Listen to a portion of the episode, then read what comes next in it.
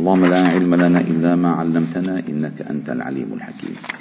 علمنا اللهم ما ينفعنا وانفعنا بما علمتنا وزدنا علما.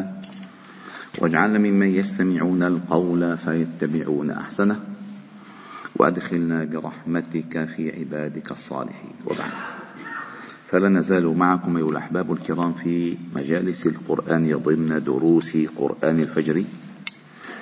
ومسيرتنا تجمل وتطيب مع سورة البقرة هذه السورة المباركة العظيمة التي فصل الله تعالى فيها أحكام شرعه ودينه. والمتأمل في هذه السورة أيها الأحباب الكرام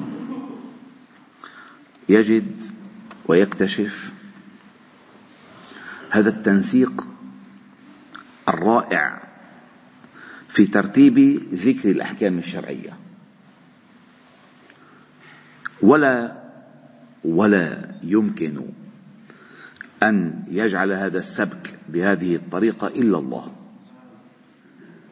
لأن الله يعلم يعلم ما يصلح للبشرية ويتدرج معهم بحسب رغائبهم وحاجياتهم وفطرهم النفسية. فخطوة خطوة درجة درجة.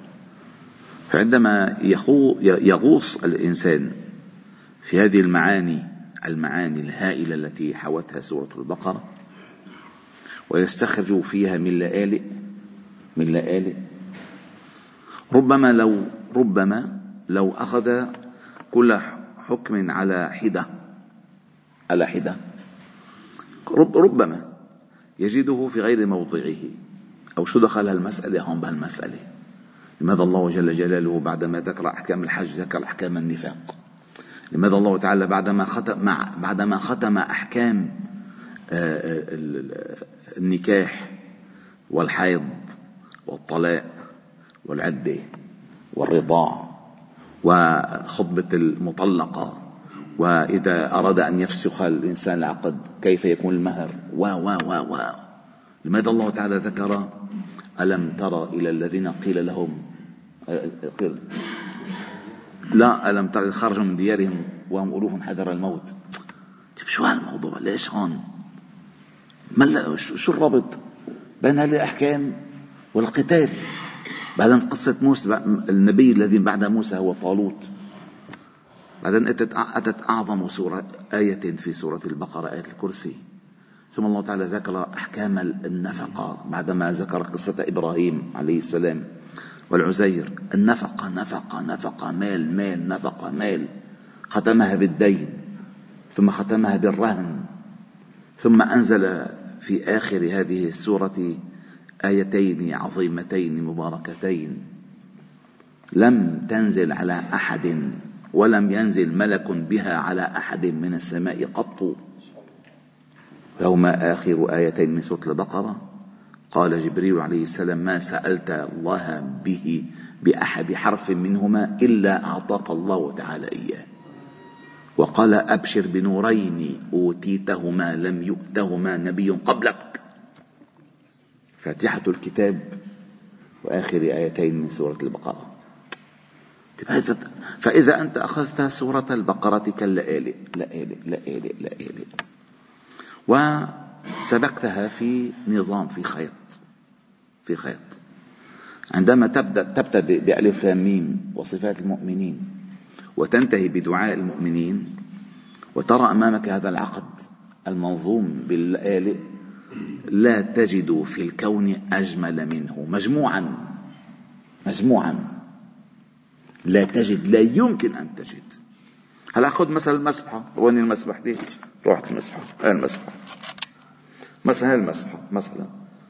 بتمشي بتمشي بتوصل على 33 بتلاقي فيه رياحة مضبوط ولا لا؟ هالرياحة منا عبثية، الرياحة مشان تنطلق إلى ذكر آخر يعني خلاص التسبيح بلش بالتحميد بلش بالتكبير أو انتبه أنت هلأ خلصت 33 أنت وين؟ قلبك أين؟ مع العدد مع العدد مع النقطة مع شكل المسبحة عاج يسر إلى هو ولا أنت مع الله بالتسبيح. فكل شيء له له له محطات. كل شيء له محطات. ولكن هلا افرطها للمسحه هلا بالأرض. شو هالمسحه حطها ونظمها ورتبها وحط لها الشرابه وحط لها كذا. جميلة. هكذا سورة البقرة. كلها لا كلها لآلئ كلها لآلئ وعندما تراها مسبوكة منظومة مجموعة وتبدأ ألف لام ميم ذلك الكتاب لا ريب فيه. والناس من يقولوا آمنا بالله. يعني تلاقي ما شاء الله جميلة. هلأ إحنا كنا عم نحكي عن أحكام آه، اليتامى وأحكام الخمر والميسر كذا. وصلنا إلى قوله تعالى ولا تنكحوا المشركات حتى يؤمنن ولأمة مؤمنة خير من مشركة ولو أعجبتكم. يعني, يعني مدخل الزواج. الآن مدخل الزواج. قبل لك ما فيش ما فيش يعني الزواج أبدا ما فيش. الآن مدخل. كيف تختار؟ من أي بيئة تنتقي؟ على أي شيء تريد أن تقدم؟ لأن العرب كانوا يفتشون عن النسب والحسب لا عن الإيمان والكفر. الحسب والنسب. الإسلام يصحح المفاهيم. يقوم يقوم الأفكار يقومها يعيدها إلى ما كان ما ينبغي عليها أن تكون. فقال النكاح هو الزواج فإياك أن تختار امرأة مهما أعجبتك مهما أعجبتك. إن كانت من بيئة لا تتناسب مع بيئتك الإيمانية. فإنك تدخل الفساد كل الفساد على داخل فرشتك على داخل بيتك على داخل أسرتك. وأنت معجب فيها والعبدة الأمة المؤمنة خير من ذات الحسب والنسب إن كانت مشركة. وكذلك العبد المؤمن إذا, إذا أتاك من يريد أن يتزوج ابنتك كذلك انظر إلى أصله وفصله وبيئته ودينه. فإن كان الدين عنده هو المقدم فهو فهو هو فهو هو أما ذاك الذي لا يفتخر إلا بماله ولا إلا بحسبه وشرفه وقبيلته و ولا يؤمن بالله فالعبد المؤمن خير من هذا المشرك. ولو أعجبك مال ماله وحسنه وقبيلته وعشيرته وكذا وكذا. أولئك يدعون إلى النار أي نتائج اختيارك ستودي بك إلى النار. هو ما يدعوك إلى النار؟ لما بتجي لعنده بقول لك شو المهر؟ جهنم ما حيقول لك هيك. حيقول لك ألف ليرة ذهب. فبالظاهر هو دعاك إلى النعيم في الدنيا وجنة الدنيا. صحيح ولا لا؟ ولكن أولئك يدعون إلى النار في مآلات المسألة.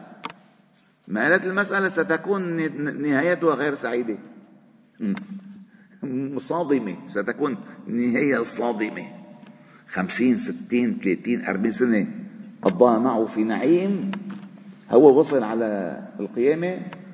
اثنيناتهم كلا إنها لظى. نزاعة للشوى خذوه فغلوه. ثم الجحيم صلوه. ثم في سلسلة ذروها وقل ما أغنى عني ماليا. هلك عني سلطانية خلاص انتهى كل شيء. فأولئك يدعون إلى النار. والله بشرعه لأحكامه. وإنزاله لدينه وبيانه لشرعه يدعو إلى الجنة والمغفرة بإذنه. فإقبالك فقط إقبالك على تطبيق الأحكام في الدنيا يذهب عنك المعاصي ويغفر الله تعالى لك أخطاءك لأنك تريد تريد أن تخرج من الظلمات إلى النور. ونتيجة ذلك الجنة. والله يدعو إلى الجنة. والمغفرة بإذنه.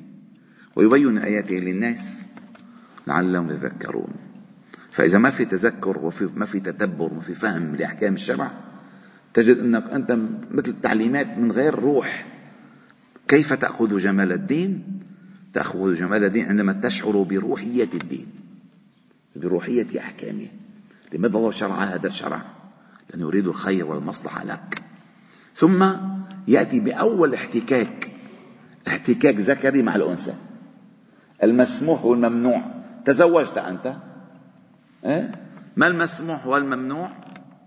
هناك الله جل جلاله ابتلى بنات حواء بشيء اسمه الحيض. وهو هذا الحيض اللي ابتلاه الله تعالى بالمنظر هو ابتلاء ولكن بالحقيقة هو رحمة. هذا الذي ينزل حيضا دما آه، معافا إنما هو مخلفات جسمية أفرزها الجسم كان ينتظر أن يكون مشروع ولادة لمولود. هذا الدم الذي تجمع ونزل في أول الشهر أو وسطه وآخره في مدة تتراوح أياما بضعة أيام من ثلاث إلى إلى عشر وفي بعض الفقهاء إلى خمسة عشر ولكن الراجع إلى العشر. هذه هذا المشروع الدم هو يعني كأنه دمنا حسرة أنه ما صار في ولد.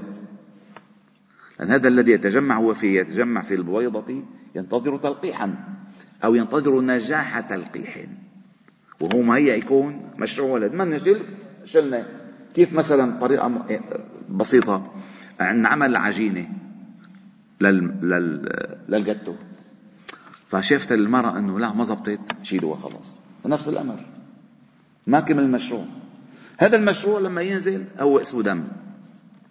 دم الله جل جلاله بجلاله بجلاله شرع لنا أحكام هذا الدين. ويسألونك عن المحيض. وسؤال العرب عن المحيض إذ أن أهل يثرب وكانوا يعاشرون اليهود كانوا يتأثرون بأخلاقهم وعاداتهم من غير أن يشعروا.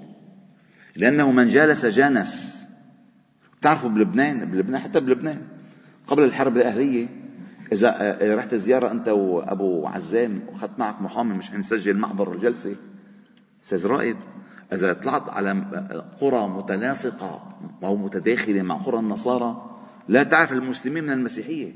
لا تعرف. لا تكاد تعرف. لا في عاداتهم ولا في لبسهم ولا في ما بتعرف شيء. وهذا بتفوت بتفوت المرأة. المرأة اسمها فاطمة. وين جوزك حكيتي له يا جورج. شو يا جورج؟ أو بالعكس.